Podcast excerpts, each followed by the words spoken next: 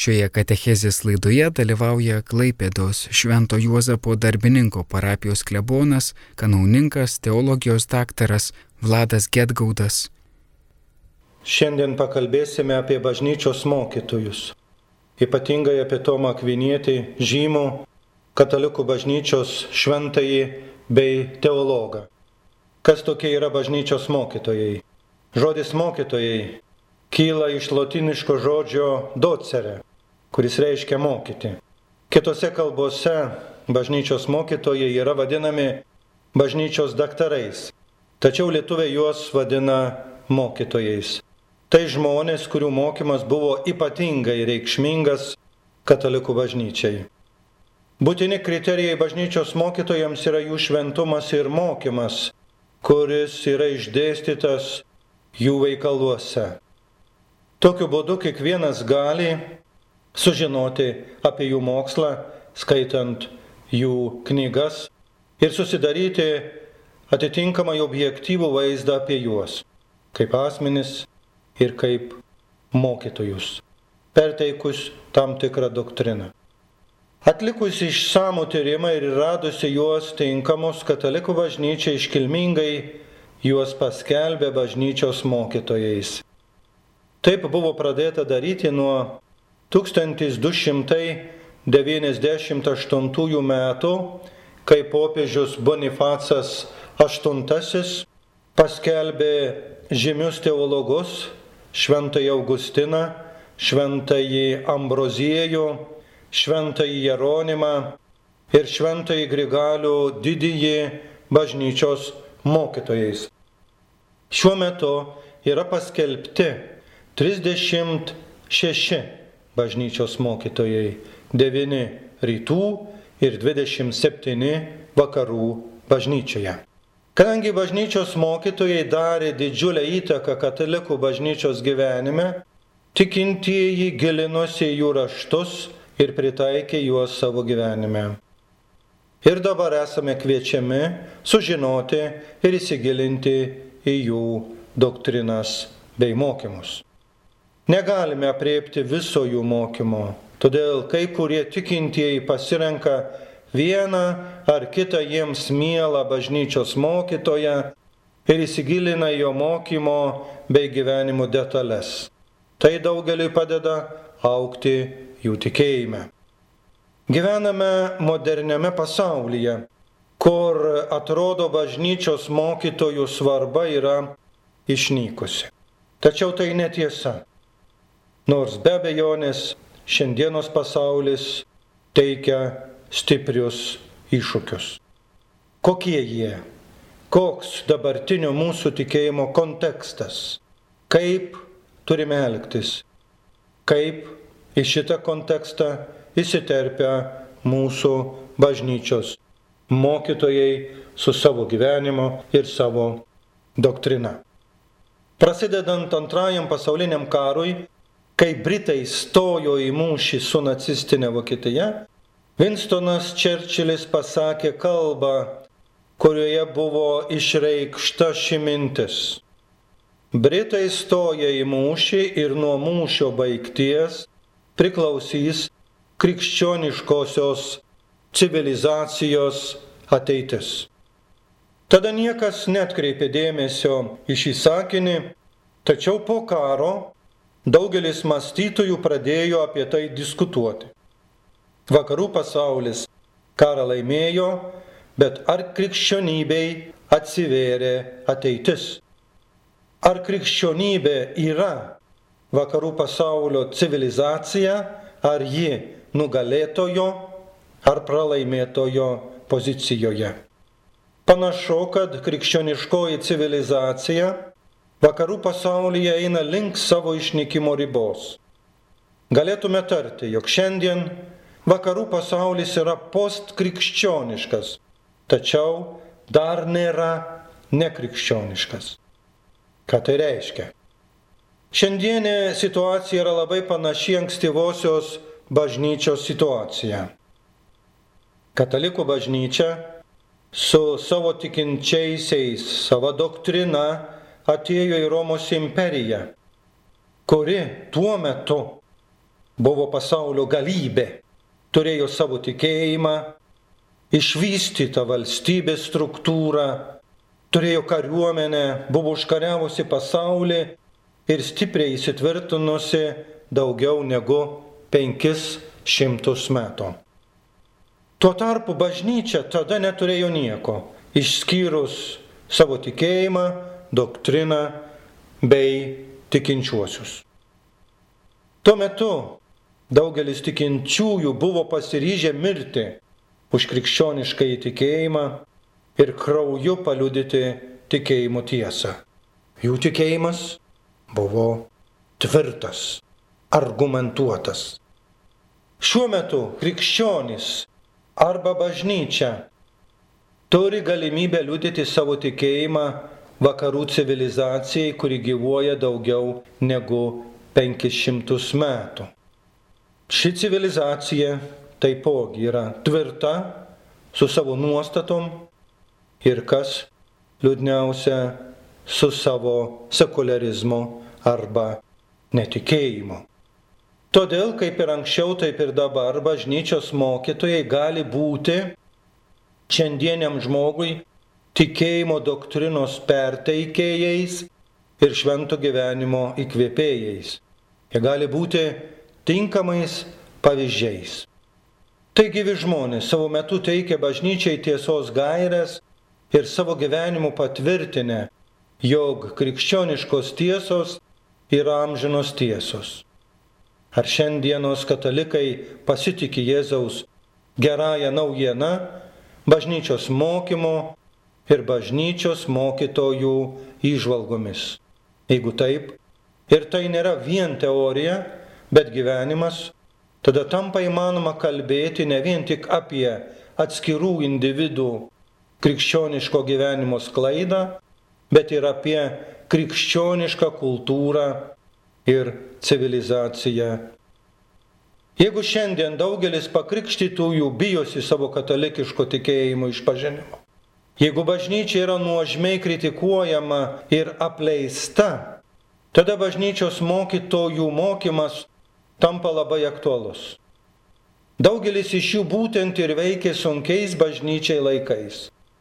Šiandieninio pasaulio akivaizdoje nereikėtų pamiršti ir išsigasti tikėjimo liudijimu. Žinome, jog krikščionybė yra universali religija, apimanti visą pasaulį, kurią sudaro didžiausias tikinčiųjų skaičius. Dar daugiau, kai kuriuose šalyse krikščionybė yra labiausiai auganti religija. Šventasis raštas yra daugiausiai verčiama knyga į kitas kalbas. Tačiau reikėtų pažymėti, jog krikščioniškasis tikėjimas plečiasi ne vakarų pasaulyje, o Afrikoje, Azijoje ir Kinijoje. Kodėl? Atrodo, kad rytuose esančios šalys negyvena pagal vakariečių susikurtus standartus. Daugelis šalių, kuriuose plečiasi krikščionybė, yra prieš modernybės stadijoje. Jie nėra kol kas patekę į vakarų pasaulio gundimus ir iškrypimus.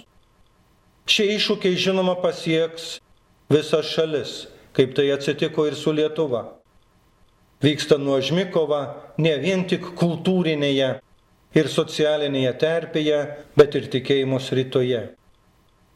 Paradoksalu tai, jog krikščionybė yra lemiamas faktorius, suteikęs sąlygas iškilti moderniam pasauliui, kuris tačiau atsigręžęs naikina pačią krikščionybę.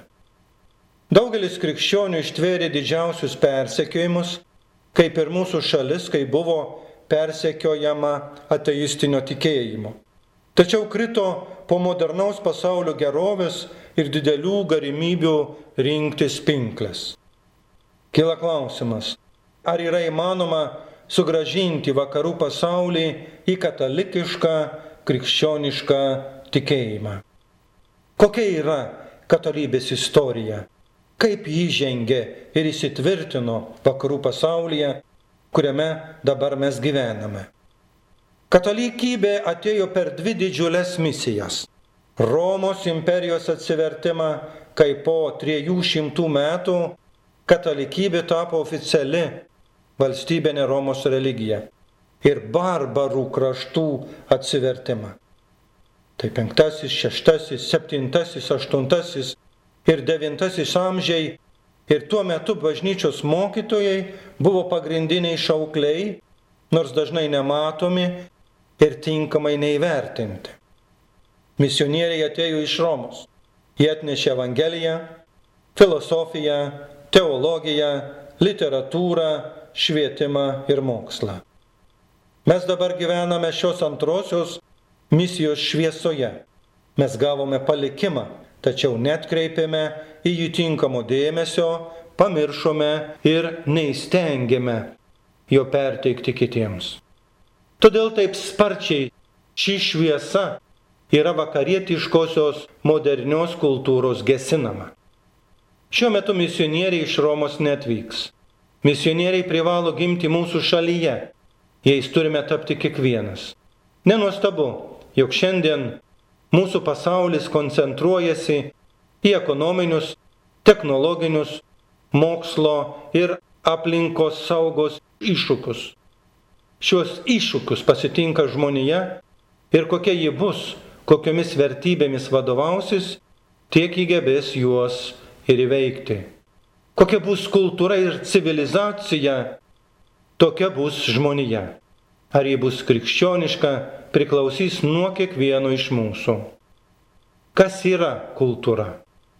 Paprastai tariant, tai yra žmonių gyvenančių drauge gyvenimo būdas. Tam tikra žmonių grupė gyvena vadovaudamasi tomis pačiomis kategorijomis. Todėl yra įmanoma kalbėti apie paauglių kultūrą, prancūzų, kino kultūrą ir panašiai. Jėzus pašaukė kiekvieną atskirai, tačiau ne kaip atskirus individus. Jis kviečia mus tapti jo bažnyčios dalimi, Kristaus kūnų, jo sekėjų bendruomenę. Mes esame kviečiami gyventi pagal jo gyvenimo būdą arba pagal jo apreiškimą katalikų bažnyčioje. Jeigu mums pasiseka taip gyventi ir būti kartu, tada mes visi kuriame krikščioniškąją kultūrą. Gyvenantis kitaip kūrė kitokias kultūras, todėl šiandienos pasaulis toks pluralistinis. Kas yra civilizacija? Trumpai tariant, tai kultūra, kuri yra pakankamai išsiplėtusi. Jie apima ne tik nemažą teritoriją, bet ir trunka gana ilgą laiką. Kad civilizacija galėtų išsiskleisti, ji privalo savyje turėti tam tikrą jėgą - religinę arba tikėjimo - karinę, mokslinę, filosofinę, meninę ir panašiai. Taigi, kurdami krikščionišką kultūrą, kartu kūrėme ir krikščionišką civilizaciją kuri jau tęsiasi, kaip žinome, 2000 metų. Manau, kad bažnyčios mokytojų vaidmuo, kuriant vakarų kultūrą ir civilizaciją, yra didžiulis.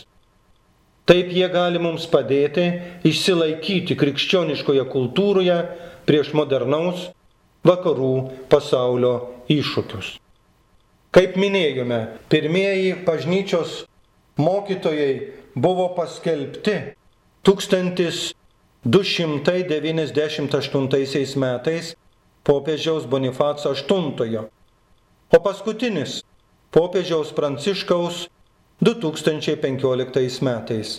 Visi jie buvo skirtingos asmenybės, pateikė pasauliui įvairių savo mokymų. Šventasis Grigalius Didysis, Šventasis Ambroziejus ir Šventasis Leonas Didysis parašė daug laiškų, homilijų bei traktatų. Šventoji Teresėlė, kuri mirė sulaukusi vos 24 metų, parašė vienintelį knygą - autobiografiją, šiek tiek poezijos ir korespondencijos laiškų. Šventasis Jeronimas buvo pirmasis biblistas. Jis išvertė visą šventą įraštą į lotynų kalbą ir parašė biblinius komentarus. Šventasis Augustinas parašė daugybę teologinių knygų. Jis, kaip ir šventasis Robertas Belerminas, gynė bažnyčią nuo heretikų antpolių. Du bažnyčios mokytojai, mystikai, yra iš Ispanijos. Tai šventoji Teresė Vilietė ir šventasis kryžiaus Jonas. Šventasis Efremas ir šventasis Grigalius Narekietis sukūrė nuostabius himnus. Šventasis Beda perteikė viduramžių Anglijos istoriją. Sistematinis teologijos kuriejai buvo šventasis Tomas Akvinietis, šventasis Albertas Didysis, šventasis Anzelmas ir šventasis Bonaventūras. Visi jie pasižymėjo ypatingai išmintimi ir dieviškojo apreiškimo pažinimu. Neskaitant jų skirtingumo, visi bažnyčios mokytojai tarnavo bažnyčiai. Kaip šventieji mokytojai, dalindami Kristaus dovanas tikintiesiems. Per jų darbus Kristus veikia ir dabar mūsų bažnyčioje. Šventasis Tomas Akvinietis, į kurį šiandien norėtume atkreipti didesnį dėmesį, buvo susikaupęs, tylus žmogus, maldos vyras. Kai jis kalbėdavo, dažnai jo kalba būdavo nerišli. Bendramokslio buvo vadinamas nebiliu jaučiu, kadangi buvo stambus, stiprus ir tylus. Šiandien tačiau jis yra pripažįstamas didžiausiu viduramžių teologu, angeliškųjų daktaru. Gimė jis 1225 metais Rokasekoje, Sicilijos karalystės šiaurinėje dalyje. Jo tėvas buvo iš aristokrato, tačiau nebuvo kilmingasis. Motina buvo kilusi iš Normandijos.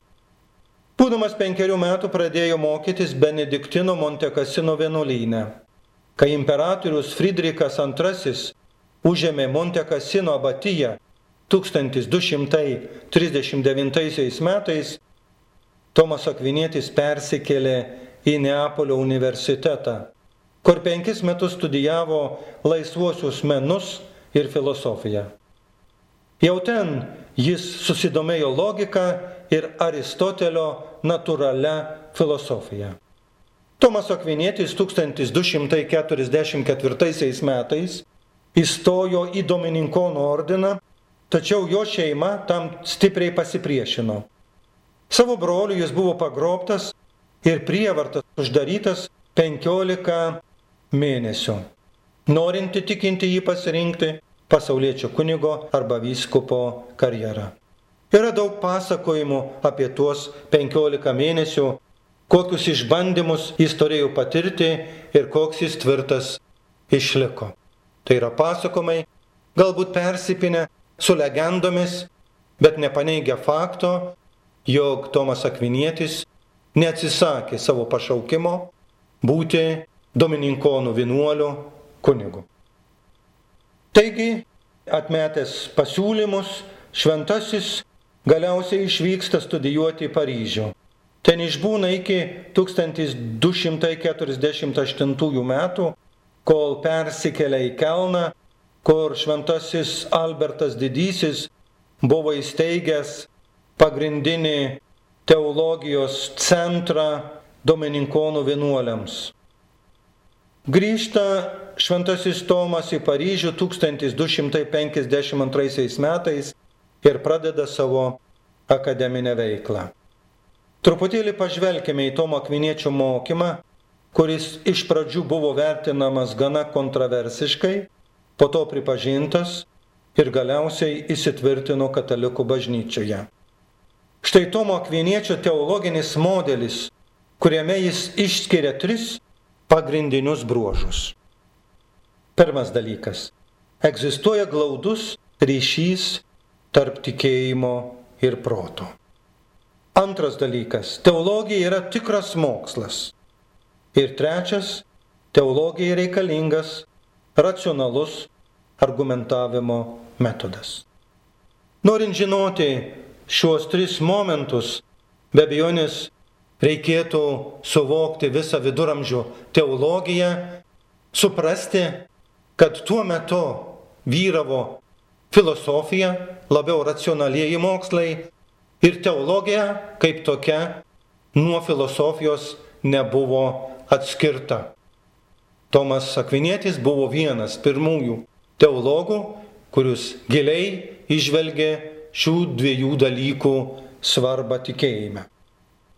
Taigi šventasis Tomas Akvinėtis pristatydamas tikėjimo ir proto santyki renkasi vidurio kelią, taigi suteikia jiems abiems autonomiją.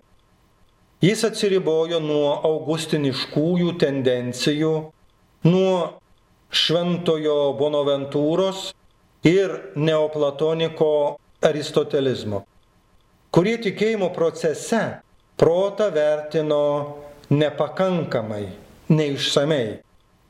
Jie arba protą ir tikėjimą visiškai susijėjo, arba juos atskyrė kaip dvi nesusijusias ir nepriklausomės tiesas. Tomas Akvinėtis pripažįsta racijo filosofiką, taigi filosofinio racionalizavimo autonomiją, tačiau tikėjimo kontekste. Racionalumas ir tikėjimas nėra atskiriami vienas nuo kito, tačiau skirtis yra, net jei galima vienybė. Tokiu būdu tampa įmanoma suteikti racionalumui veiklos erdvę pirmiau tikėjimo, kuris ir vėliau pagal aiškius dėsnius veikia mastant arba kalbant apie tikėjimą. Ką reiškia racionalus mąstymas pirmiau ir vėliau? Tomas Akvinėtis teigia, jog Dievą yra įmanoma pažinti iš kūrinijos. Iš tikslingos tvarkos galime išvelgti kuriejų pėtsakus. Ir be abejonės, norint išvelgti šios pėtsakus, reikia gebėti racionaliai mąstyti. Tai reiškia pirmiau tikėjimo eina žmogaus gebėjimas racionaliai suvokti Dievo egzistenciją, kurią jis gali žvelgti kūriniuose. Po to, vėliau, kada įsijungia tikėjimas, taip pat racionalus mąstymas yra reikalingas, kad galėtum apibriežti ir suvokti tikėjimo slėpinius, tikėjimo tiesas. Taigi Tomas Akvinėtis tam tikrą prasme anuo metu iškėlė racionalumo svarbą, kuris eina pirmiau tikėjimo ir papildo tikėjimą. Šventasis Tomas Akvinietis parašė daug veikalų, tačiau jo teologijos sumoje randame tokį teiginį. Jis kalba, jeigu būtina, reikia be filosofijos disciplinų turėti kitą discipliną. Tai yra teologija. Pasak Švento Tomo, nebeužtenka filosofijos, nors ji remdamasi racionalių mąstymų kalba apie Dievą. Kad žmonės pasiektų išganimą, reikia daugiau, nes išganimas viršyje žmogiškojo proto galimybės. Būtina atsigręžti į dieviškąją prieiškimą ir tam reikia ypatingo mokslo teologijos. Antra vertus, pasak Tomo Akviniečio, Dievo tiesa tyrinėjimą vien tik racionaliai, tai yra filosofijos studijomis, tampa išrinktųjų intelektualų privilegija. Reikalauja daug laiko ir įvelia nemažai netikslumų ir klaidų. Naudingiau Dievo slėpinius pažinti per dieviškąją prieiškimą. Todėl pasak Tomo Akviniečio niekas netrukdo tuos pačius dalykus, apie kuriuos kalba filosofija, naudodamasi prigimtinio proto šviesa, tyrinėti teologijai, kuri juos pažįsta dieviškojo apreiškimo šviesoje. Suteikdamas autonomiją abiem pažinimo būdams, Šventasis Tomas Akvinėtis įvardyja keletą esminių ypatybių, kurios išliks krikščioniškoje teologijoje iki mūsų dienų. Pirmas dalykas. Teologija užima ypatingą vietą, nes jos studijų objektas viršyje protą ir privalo būti studijuojamas per Dievo apreiškimą. Taigi, teologija yra svarbi, būtina kiekvienam žmogui, jos studijų objektas yra Dievas, tačiau racionaliai suvokti dieviškosius slėpinius yra be galo sunku. Taigi, čia būtinas dieviškasis apreiškimas ir dieviškasis apreiškimas yra priimamas per tikėjimą. Antras dalykas. Turime du momentus - racionalų mąstymą, proto išvalgas ir tikėjimą. Santykis tarp jų. Tomo Akviniečio nubrėžtas yra santykis kaip distinkcija. Ir susietas, ir atskiras. Kaip susietas ir kaip atskirtas.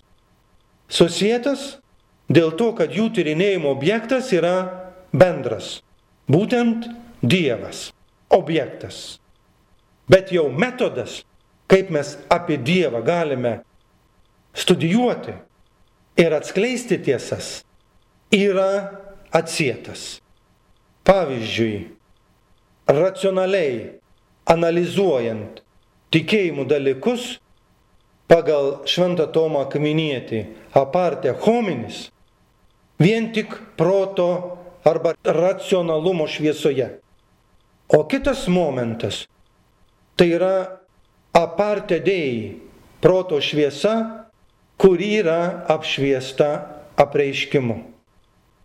Taigi racionalumas, kada mes suvokiam tikėjimo tiesas ir tikėjimas, kuris randa savo atramą apreiškime, yra du dalykai reikalingi žmogui, žengiant tikėjimo keliu. Suvokti tikėjimo tiesas nėra priešingos protui patikėti. Galiausiai tikėjimas, į kurį šiuo metu teologija daugiausiai kreipia dėmesį ir jeigu pažvelgsime per visą istoriją, pasižiūrėsime į bažnyčios mokytojų doktrinas, visada buvo išryškintas ir savaime suprantama, tikinčiajam tikėjimas yra svarbus, nes per jį jis gauna supratimą apie galutinį žmogaus tikslą, jis atveria galimybę žmogiškajai patirčiai ir racionaliai analizai. Taigi teologijos istorijoje, bažnyčios mokytojų doktrinose atsiskleidžia šie du pagrindiniai dalykai. Kas pirmiau - tikėjimas ar racionalus mąstymas ir argumentavimas apsisprendžiant už tikėjimą. Buvo momentų, kada buvo iškelta, jog tikėjimas yra pirmoji vietoje. Šantasis Augustinas. Tiesa yra viduje. Tikėjimas yra vedlys ir po to žmogus įtikėjęs protų suvokia dieviškosius slėpinius. Buvo kitų mąstymų, tarp jų ir šventasis Tomas Akvinietis, kai racionalus mąstymas, protas geba pamatyti Dievą kūrinyjoje, tai jį veda į gilesnį tikėjimą. Bet tuo pačiu jo tikėjimas turi būti maitinamas apreikštąją tiesą, būtent tiesomis, kurios yra užrašytos šventajame rašte. Pateikime keletą šventojo Tomo Akviniečio mokymų išvalgų. Jos iš ties yra plačios ir įdomios. Kai šventasis rašė savo knygas, Jis negalėjo užrašyti pats visų minčių, todėl diktuodavo sekretoriams ir tuo pačiu metu jis gebėjo diktuoti keliems sekretoriams iš karto, kad taip greičiau būtų užrašytos jo mintis. Šiandieną žmogui reikėtų surasti laiko pažvelgti į bažnyčios mokytojų gyvenimus ir doktrinas. Tai be bejonės praturtintų kiekvieną naują tikėjimo patirtimi. Apie bažnyčios mokytojus, teologus, kurių doktrina remiasi krikščionybė, pasakojo Klaipėdos Švento Juozapo darbininko parapijos klebonas, kanauninkas, teologijos daktaras Vladas Getgaudas.